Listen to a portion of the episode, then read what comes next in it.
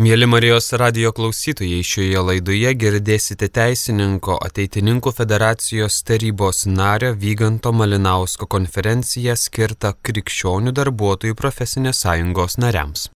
Prieš pradedant kalbėti apie bendrai apie Šilovos deklaraciją, na, reikėtų turbūt truputį staptelti prie klausimo, kuris yra nuolat pastaruoju metu keliamas visuomenė ir labai madingas. Kodėl bažnyčia turi kalbėti klausimais, kurie priklauso politikos ryčiai. Ir e, šis klausimas atrodo toks kaip ir savaime suprantamas ir, ir e, jeigu kas nors iš e, dvasininkų, nesvarbu ar aukštesnių ar, ar žemesnių, pasisako tam tikrais klausimais, kurie yra suprantami kaip politikos debatų klausimai iš karto, o kas jiems leido kalbėti, kodėl jie čia kišasi, kodėl jie turi apie tai kalbėti. Tas toksai priekaištas, jisai nėra naujas, nėra tik atsiradęs mūsų laikais, bet kita vertus jis ir nėra labai senas. E, jis iš tikrųjų atsirado tas požiūris, kad e, bažnyčia politiniais klausimais turėtų vengti kalbėtis, atsiranda tik tai XIX amžiai.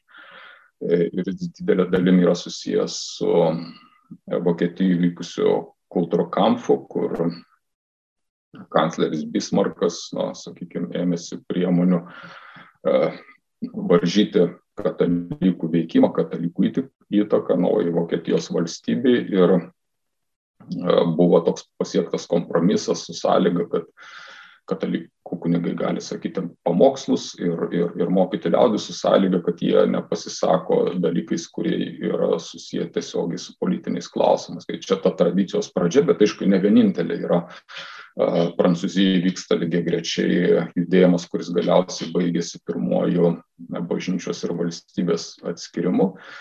Ir, ir matom taip pat ir kitose na, sferose ar srityse istoriškai, bet viskas prasideda XIX amžiui. Dabar tai atrodo kaip yra savaime suprantama, uh, Ir tas savaime suprantama, aišku, taip kabutėse būtų galima pasakyti, nes vėlgi žmonės tą skirtingai labai supranta, ką reiškia, kad bažnyčia negali kalbėti klausimais, kurie priklauso politikos sryčiai. Ir pastaruoju metu, kai vyko visuomenė ir tebe vyksta, tiesą sakant, debatai aktualiais klausimais, ir yra pasisakymai tiek katalikų viskupų, tiek yra E, ekumeniniai pasisakymai ir atskirų kunigų pasisakymai. Ir kai jie vėlgi susilaukė to priekaišto, kodėl čia dabar dvasininkai užuot užsiemę selovadą, evangelizaciją ir panašiais dalykais kalba apie politiką, dažniausiai girdimas e, toks apginimas arba pateisinimas katalikų krikščionių pusės, kad e, nu, jie irgi yra piliečiai. Jie yra, kaip ir kiekvienas Lietuvos Respublikos pilietis, turintis konstitucinės teisės ir laisvės ir tos teisės ir laisvės tame tarpe apima ir laisvę, žodžio laisvę, kuri apima tuo pačiu ir laisvę pasisakyti politiniais klausimais. E, kitaip tariant, tas bandoma atremti, kad, na, sakykime, traktuokime tuos, kurie pasisako iš bažnyčios pusės politiniais klausimais, tiesiog yra tokie eiliniai piliečiai. Bet iš tikrųjų nėra viskas taip paprasta, nes jie ir patys nekalba kaip eiliniai piliečiai. Jie kalba kaip atstovaudami tam tikrą mokymą, tam, tam tikras e, moralinės, tam tikras tikėjimo nuostatas ir e, jie, kalbėdami tais politiniais klausimais, e, reprezentuoja iš tiesų ne savo piliečio poziciją, bet jie reprezentuoja katalikų bažnyčios poziciją. Ir Šilovos deklaracija šitoje vietoje yra neišimtis. Šilovos deklaracija paskelbdamas Kauno arkivyskupas jis taip pat kalbėjo kaip bažnyčia. Jis paskelbė savo vardu, bet iš tiesų tai buvo bažnyčios balsas. Ir visi, kurie taip suprato ir, džiaug, ir reagavo arba džiaugsmingai, arba kritiškai, jie šią prasme reagavo adekvačiai. Tai nebuvo e, piliečio Kestučio Kievalo nuomonė, tai buvo, tai buvo bažnyčios pozicija. Ir klausimas yra vis tik tai, ar yra pateisinama, kad bažnyčia kaip bažnyčia per savo atstovus kalba klausimais, kurie priklauso politiniai sferai.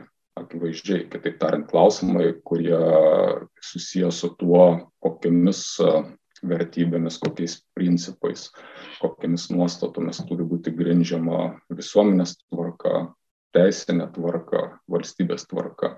Atsakymas į šį klausimą, kodėl iš tiesų bažnyčia ne tik gali, bet ir turi kalbėtis, yra nekarta gvildentas e, įvairiuose bažnyčios dokumentuose.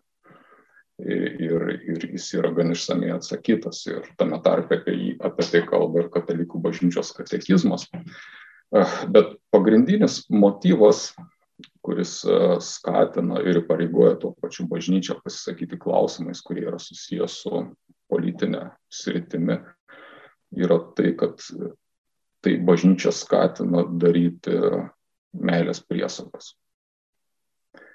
Meilė žmogui e, niekada neps, negali arba jinai neapsir, sakykime, kartais jinai apsiriboja individualiai, bet, bet iš tikrųjų jinai apima ne tik tai individų tarpusavio santykius, bet taip pat ir e, asmenų santykius visuomenėje.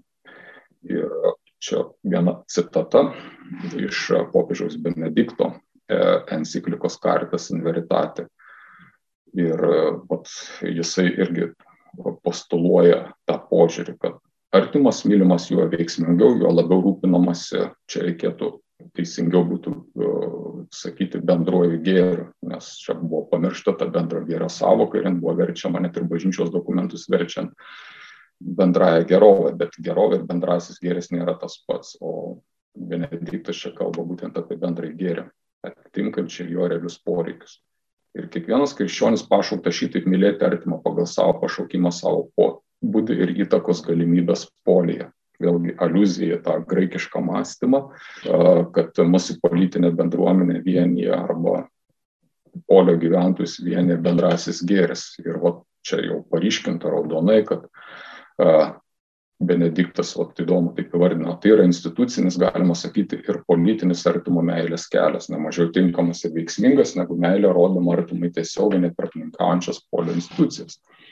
Kitaip tariant, bažnyčia jinai nusekliai laikosi pozicijos, kad iš tiesų, jeigu tau tikrai rūpi artimo meilė, tai tas negali apsiriboti tik tai asmeniniais individualiais santykiais, bet rūpestis artimu taip pat turi būti rūpestis ir ta tvarka visuomenė ir valstybė, nuo kurios irgi priklauso artimo gerovė ir galimybė jam gyventi pilnavertį gyvenimą.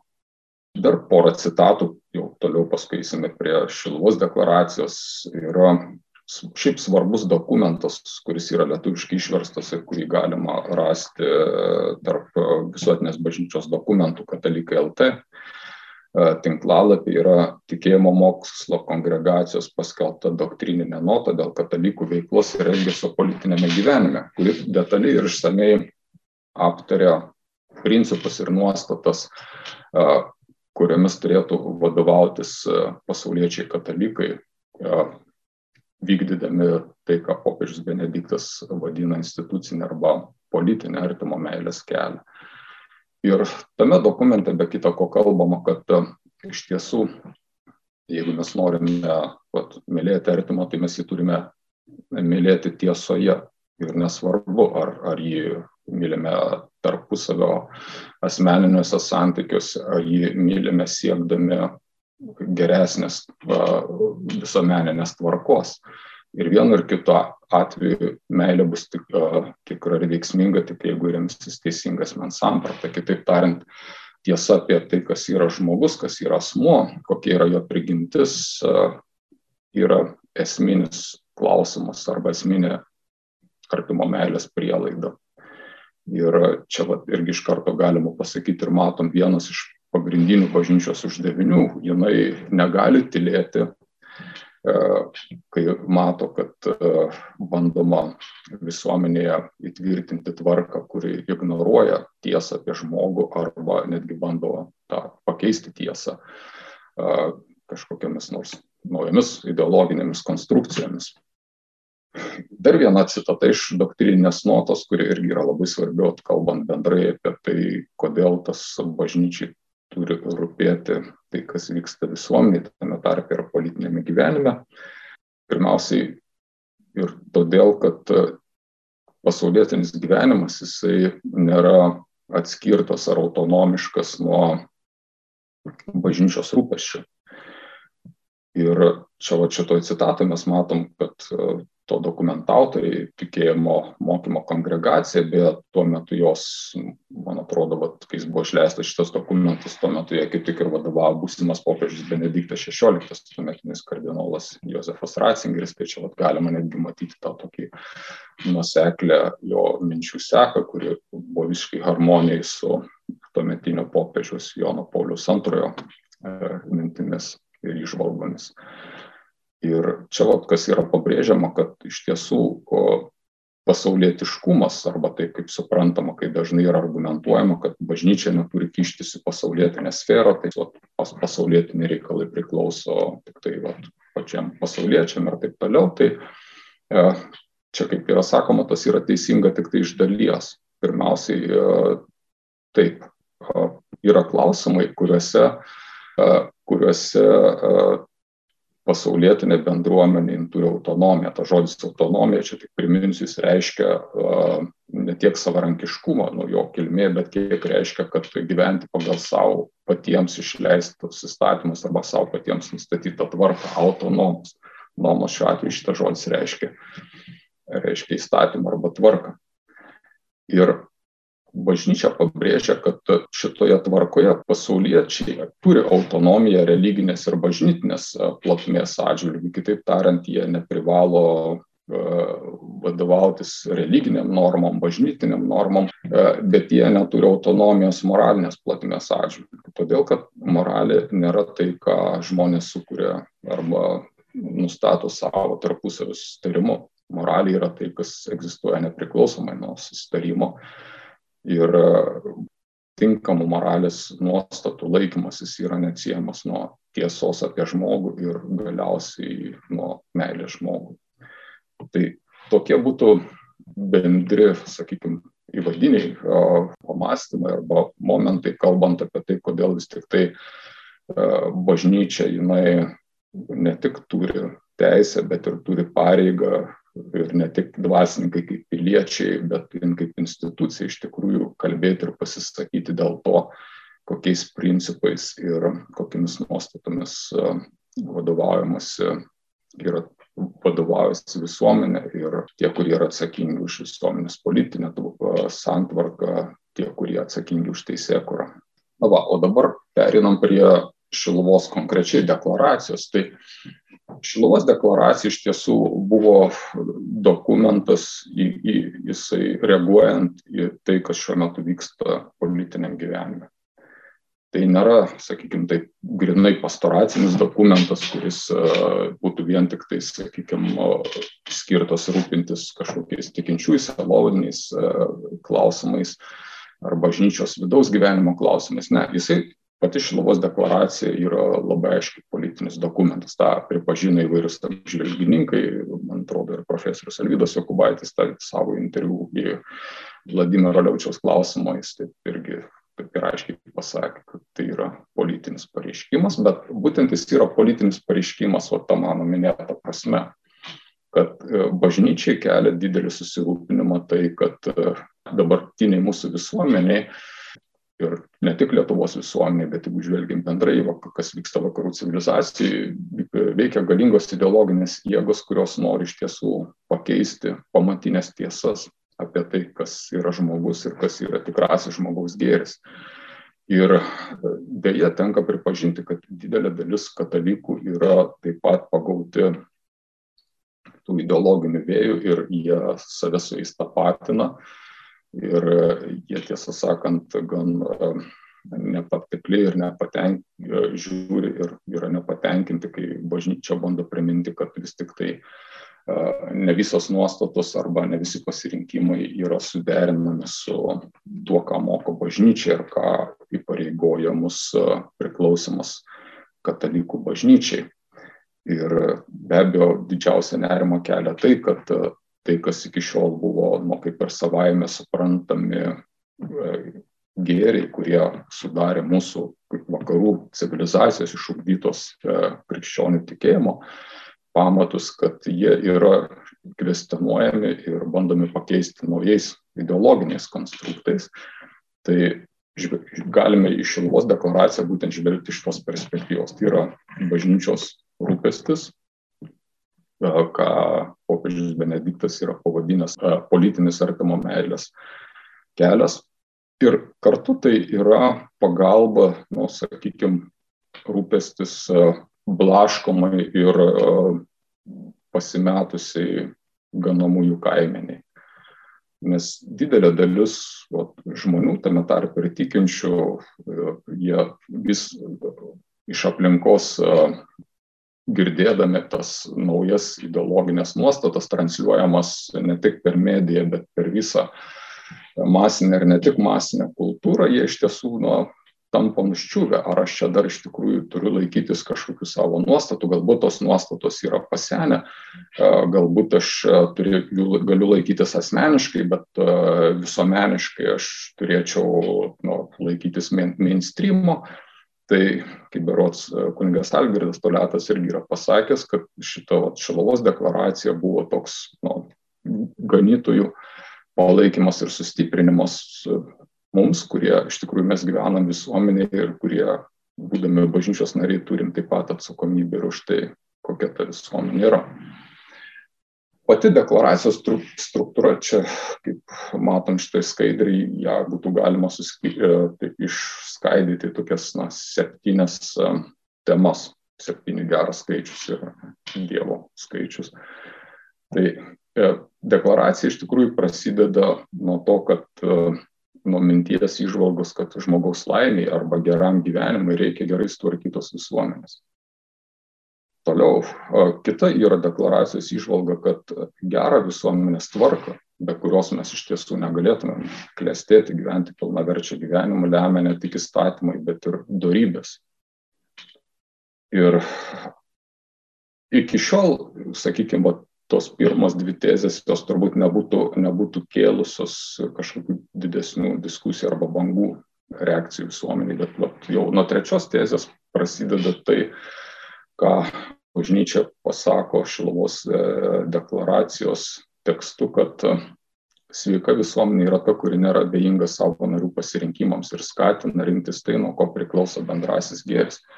Čia iš tiesų matome E, požiūrį, kuris e, skiriasi nuo vyraujančio, e, šiuo metu vyraujančio liberalios demokratijos požiūrio, kurį teisės filosofas Ronald Dworkin apibūdina, kad teisinga, laisva demokratinė valstybė turi traktuoti visus piliečius su vienoda pagarba ir rūpeščiu, nepriklausomai nuo to, kokius gyvenime daro pasirinkimus. Čia matome minti, kad iš tiesų E, visuomenė jinai turi remti, skatinti ir kultivuoti tas darybės, nuo kurių priklauso mūsų visų bendra gerovė, visų bendrasis gėris.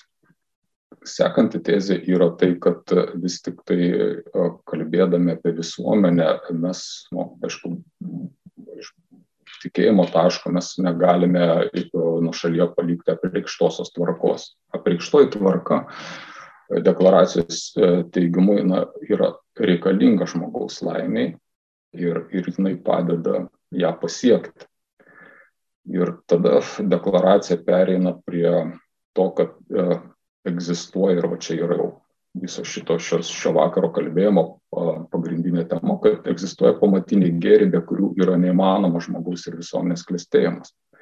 Kitaip tariant, yra tam tikri dalykai, jie yra įvardinami kaip gėriai, ką reiškia gėriai, mes truputį vėliau kalbėsime apie tai, be kurių, kurie, sakykime taip, nu, nėra pasirinkimo dalykas ir arba visuomenė tuos gėrius saugo ir puoselė, arba pati visuomenė jinai galiausiai save sunyksta ir, ir, ir nebeturi ateities. Ir, ir va, tų gėrių ypatumas yra tai, kad jie nėra dalykas, kuris gali būti keičiamas arba koreguojamas demokratiniu proceso būdu. Įstatymų leidėjai neturi įgaliojimų šių gėrių ignoruoti arba keisti. Na ir paskutinė e, Šilovos deklaracijos tezė yra tai, tai kas pasakyta Šilovos deklaracijai galioja ne tik tai tikinčiam žmogui, ne tik tam, kuris tikė prieiškimu arba kuris laikosi bažnyčios mokymo, bet tai yra tiesos, kurios yra prieinamos kiekvienam geros valios ir sveiko proto žmogui ir todėl jį moraliai saisto, nes moralė yra susijusi su tiesa. Ir jeigu tu pažįsti tiesą, tai tu esi ir įpareigotas laikytis jos. Šią prasme, tiesos pažinimas apskritai yra pavojingas, nes yra daug patogiau gyventi, kai tu tiesos nežinai, nes tu, kai ją žinai, viskas ir tada turi jos laikytis. Tai tokia būtų va, pagrindinė Šilovos deklaracijos struktūra. E, bet dar Perinant per konkrečias deklaracijos nuostatas, norėčiau staptelti ir keletą tokių aptarti sampartų arba konceptų, kurie leidžia suprasti visos Šilovos deklaracijos vidinę logiką ir vidinę mintį. Na, tie, kurie nepatiko Šilovos deklaracija, jie laidė visokias tokias replikas, kad čia kažkas rašė, nesuprato, ką rašė, čia paviršutiniškai ir taip toliau ir panašiai, bet tos replikos iš tikrųjų tokios buvo, na, iš, e, kai tu neturi ką pasakyti, e, tarkim, parodyti pirštų, kad galbūt čia kas nors netaip ar neteisingai, nu, tai tada tiesiog, kaip dažnai mūsų laikais tai yra priimta, kabinėjai visokias etiketės ir, ir, ir visokias pravardės. E, bet iš tiesų tie visi, nu, čia net ne, negalima jų pavadinti kritikais, nu, bet tie tokie, vat, bandant tą kažkaip sumenkinti, žaisti Šilovos deklaraciją, jie iš tikrųjų e, arba, arba nu, sąmoningai ignoravo tas e, prielaidas, kuriams remiasi Šilovos deklaracija, arba, arba tiesiog jų nesuprato. Ir keletas vat, tų pamatinių sampratų arba konceptų, kurios mano galva yra svarbios, kalbant apie, nu, bandant skaityti Šilovos deklaraciją. Na, pirmiausia, iš tiesų yra ta pamatinė nuostata, kuri ateina iš senovės graikų, kad žmogus nėra savo pakankamas, žmogus nėra autonomiškas. Čia Aristotelio mintis, kad uh, žmogus nėra nei dievas, nei, nei gyvūnas. Uh, jam reikalingi kiti žmonės tam, kad jis pats galėtų gyventi kaip žmogus, ir ne šiaip žmonių būrys, bet reikalinga visuomenė, reikalinga gerai sutvarkyta visuomenė, arba kaip Aristotelis e, vartoja tą nu, savoką, nes tuo metu graikai pagrindinė jų vienetas politinis buvo miestas, miestas valstybė gerai sutvarkytas polis, vat matom irgi popiežius Benediktas savo encikliku irgi jisai uh, referuoja į tą polio savoką. Kitaip tariant, jeigu mes nu, vėl jau apie tai kalbėjom, apie tą politinę artimo meilės kelią, kad žmogus be visuomenės jis negali duoti savo to, ko, be ko jis negali gyventi pilnaverčio žmogiško gyvenimo nu, pavyzdžiui, sakykime, už mano nugaros čia prikrauta įvairių knygų, tai e, aš pats savo negalėčiau tų knygų parašyti, bet jeigu aš gyvenime neturėčiau knygų, tai mano gyvenimo kokybė būtų e, daug, daug menkesnė ir mes nu, daugybę galime pavyzdžių. Jau nekalbant apie tai, kad vaikas negali tapti saugusiu be kitų žmonių pagalbos.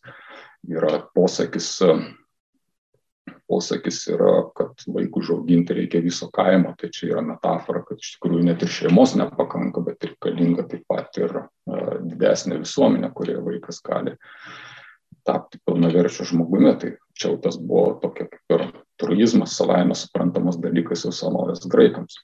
Tada sekantis konceptas irgi yra svarbus, nes va, čia keletą kartų minėsiu vis nuolat kalbėdamas apie Šilvos deklaraciją apie tvarką kad e, ir jinai referuoja taip pat tam, į, į, į tvarką, Dievo nustatytą tvarką ar, ar žmonių kuriamą tvarką.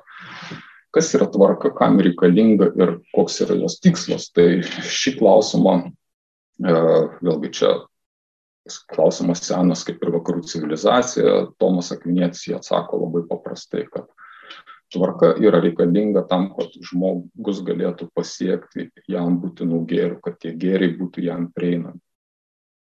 Ir jeigu paimsim bet kokią tvarką, jeigu tik tai tvarka nėra savavališka ar, ar kokia nors tironiška ar primesta, jinai yra tam, kad mums būtų prieinami tam tikri gėriai.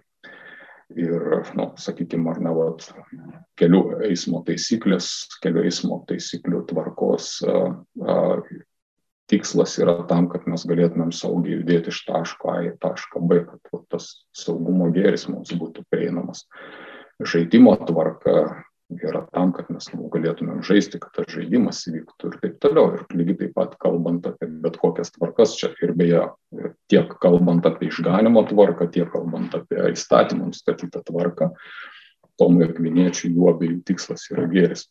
Aišku, skiriasi tie gėriai, bet, bet, bet vis tiek galiausiai tai yra gėriai ir, ir vienas ir kitas yra reikalingas žmogui. Tomas Akvinėtis, kalbėdamas apie tvarką, kalba ne tik apie tai, kad tvarka yra gerai, kad ji yra reikalinga, kad be tvarkos mes ar savo asmeninėme, ar visuomenės gyvenime mes negalime pasiekti būtinų mums gėrių, bet Tomas Akvinėtis taip pat kalba ir apie tvarkos protingumą. Na, pavyzdžiui, jisai apibrėžia e, teisę kaip e, protingą tvarką orientuotą į bendrąjį gėrį. Tai va, tikslas yra bendrasis gėris teisės, čia ne tik asmeninis, bet yra bendrasis gėris, bet Tomas Akvinėtis dar įveda tą vat, kvalifikuojantį požymį protingą tvarką. Kas yra protinga tvarka, kuo jin skiriasi nuo neprotingos tvarkos čia ne, nesileisiu savo labai plėtotis, vat, kai dėšiau studentams prigimtinę teisę sampratą, tai man labai praversdavo tas skirtumas tarp racionalios tvarkos ir protingos tvarkos. Taip, jeigu trumpai, racionali tvarka yra ta tvarka, kuri padeda pasiekti tikslo pasitelkiant priemonės, kurios leidžia to tikslo siekti bet ne kiekviena racionali tvarka jinai bus protinga tvarka. Pavyzdžiui, sakykime, tironiškos valstybės jų tvarka irgi yra, gali būti labai racionali. Ten Stalino laikai Sovietų sąjungoje, nu, tam, kad būtų pasiekti tam tikri iškelti partijos tikslai, buvo įvesta nu, tironiška, nežmoniška, bet šiaip racionali tvarka. Nes galiausiai vertė žmonės elgtis taip, kaip reikėjo partijai. E, šiaip įdomu, kad e, moderniuose teisės apibrėžimuose, kurie atsirado keli šimtai metų vėliau, e, negu Tomas Akvinėtis kalbėjo apie tai, kas yra teisė, irgi ten kalbama, akcentuojama tas teisinės tvarkos racionalumas.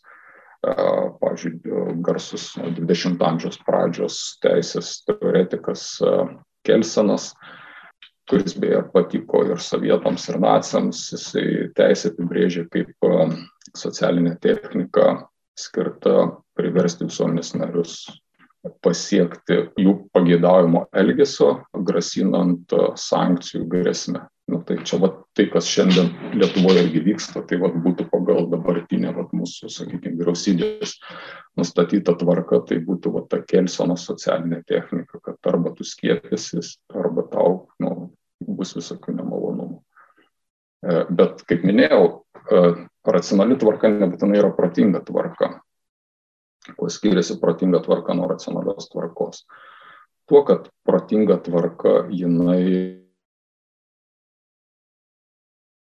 rinkti tarp to, kas e, labiau vertinga ir to, kas mažiau vertinga.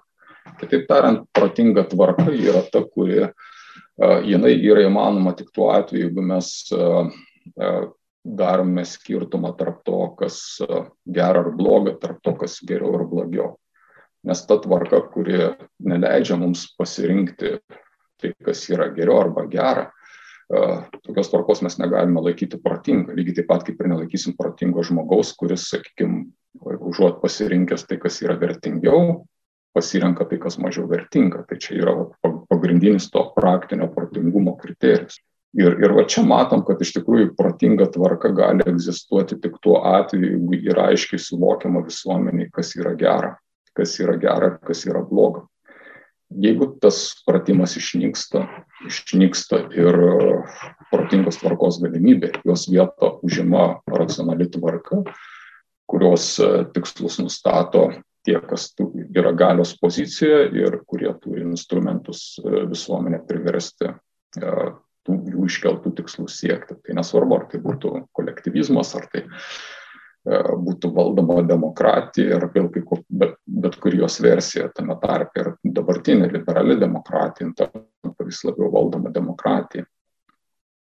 Taigi protingos tvarkos prielaida yra egzistavimas tam tikros vertybinės arba gėrių hierarchijos. Toliau kalbant apie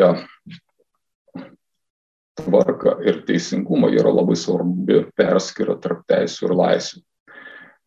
Na, teisiniam arba politiniam diskursui iš tikrųjų to skirtumo beveik nėra daroma. Kalbama apie teisės ir laisvės dažniausiai kaip apie sinonimus. E, bet iš tiesų čia tas skirtumas arba ta perskira yra labai svarbi, nes teisė jinai visada koreliuoja su, su pareiga. Kitaip tariant, aš turiu teisę, jeigu kažkas turi pareigą tenkinti kažkokį mano reikalavimą. Laisvė atvirkščiai, jinai yra situacija, kai aš neturiu pareigos kam nors tenkinti kieno nors reikalavimą. Ir va čia matom iš tikrųjų tas, tas perskira kartu nurodo į labai tokią svarbią fundamentalę priklausomybę, kad kuo aš turiu daugiau teisų, kažkas neišvengiamai turės mažiau laisvių, nes jis turės daugiau pareigų tenkinti iš mano teisų kylančius reikalavimus. Ir atvirkščiai, kuo aš daugiau turiu laisvių, kažkas neišvengiamai turės mažiau teisų, nes jisai galės mano atžvilgių kelti mažiau reikalavimų. Pavyzdys tos perskiros, kaip veikia, pavyzdžiui, tarkim, yra nu, kontraceptikų klausimas. Ar asmuo turi laisvę naudoti kontraceptikus ar turi teisę naudoti kontraceptikus. Ir šitoj vietoje iš tikrųjų skirtumas yra didžiulis. Ir Amerikai, tarkim, yra byla prieš mažasias vargdienių seseris, kuri pasiekė Amerikos aukščiausią teismą ir prasidėjo nuo to, kad Obamos laikais, kai buvo įgyvendinta sveikatos apsaugos reforma, darbdaviai buvo įpareigoti, įpareigoti finansuoti taip pat darbuotojų išlaidas kontraceptikam. Kitaip tariant, buvo sukurta teisė į kompensaciją kontraceptikų.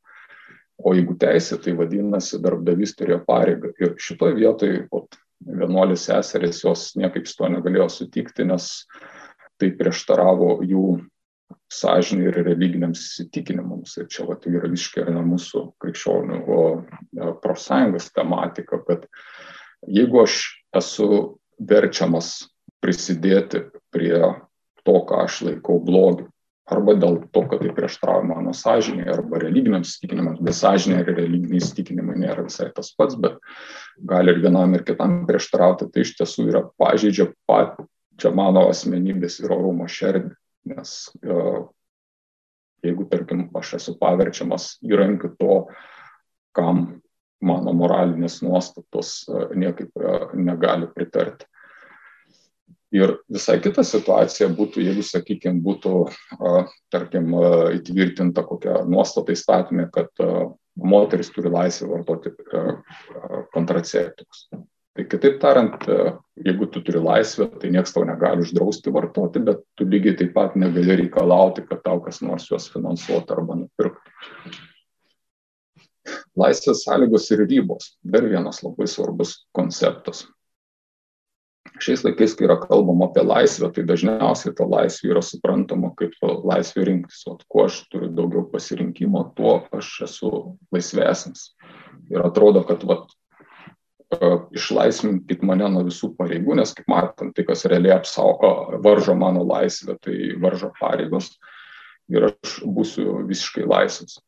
Bet problema yra ta, kad šis toksai vat, laisvės supratimas jis ignoruoja dvi labai svarbias laisvės sąlygas, be kurių iš tikrųjų tu, tavo ta laisvė rinktis, jinai būtų tuščia. Net jeigu ir mes priemam, kad laisvės esmė yra laisvė rinktis, čia vat, Lina Šulcienė pasakytų, kad laisvė yra kas, kas kita, bet aš lieku prie tos tokios, sakykime, populiarios bei būtinės laisvės sampratos laisvė rinktis. Tam, kad aš galėčiau rinktis tai, ką aš noriu, tai pirmiausiai turi būti dar egzistuoti ir tai, ką aš galėčiau pasirinkti. Pavyzdžiui, sakykime, atveda mama vaiką į žaislų parduotuvę ir sako, viskas, tu esi laisvas rinktis, rinkis kokį nori žaislą. Vaikas pasižiūri, bet pasirodo, toj parduotuvėje nėra to žaislo, kurį jis norėtų, tai jo ta laisvė rinktis iš tikrųjų neveikia, nes kas iš to, kad tu turi laisvę rinktis, bet nėra to, ko, to, ką tu norėtum pasirinkti. Ir va čia matom, va, labai prieinam prie svarbaus dalykų. Čia vėlgi yra, e, kas ir šios dienos paskaitos pavadinime yra pamatiniai gėriai. Jeigu neegzistuoja visuomeniai pamatiniai gėriai, kurie yra būtini mano pilnaverčiam gyvenimui ir kuriuos aš natūraliai noriu pasirinkti ir noriu būti laisvas pasirinkti, jeigu jų nėra, tai mano ta laisvė rinktis yra tik tai tuščia fikcija. Pavyzdžiui, sakykime, gyvenu visuomenėje, kurioje nėra universitetų ir aukštųjų mokyklų.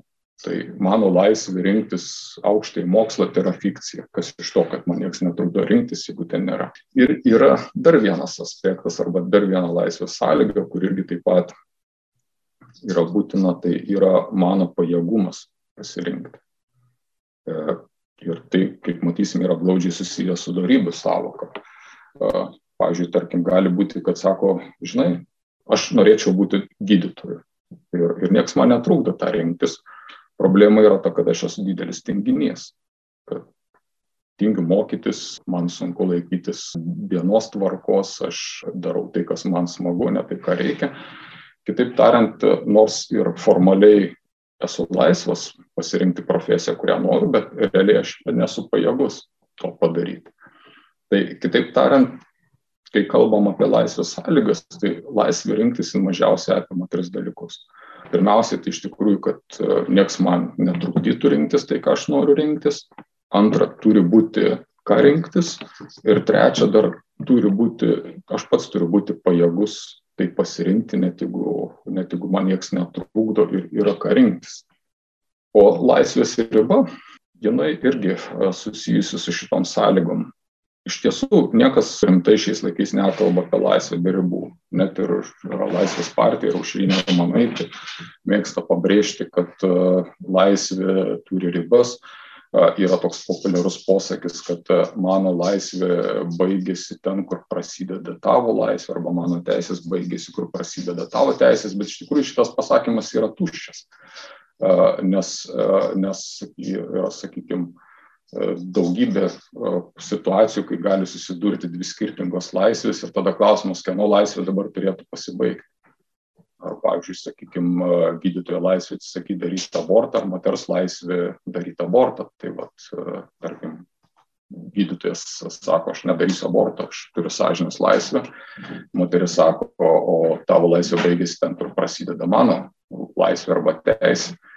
Bet klausimas, o kodėl tavo laisvė, ne mano laisvė turi būti pirma. Kitaip tariant, tas pats pasakymas, kad tavo laisvė baigėsi ten, kur prasideda kito laisvė, jis yra tuščias, nes jis neduoda jokio kriterijos, kaip rasti teisingą pusiausvyrą tarp tų teisų ir laisvių. Ir iš tiesų tikroji laisvės riba ir realiai, kas riboja mūsų laisvės, mes laisvai visuomeniai galime ir turime būti tiek laisvi, kiek ta mūsų laisvė nėra destruktyvi tų gėrių, kurie yra reikalingi visai visuomenė ir kurie sudaro bendrai visuomenės gėrį atžvilgių. E, kitaip tariant, aš esu laisvas e, džiaugtis gamta, e, bet aš nesu laisvas tos gamtos nekoti, nes tai yra reikalinga mums visiems gyventams šioje visuomenėje, tiek man, tiek kitiems.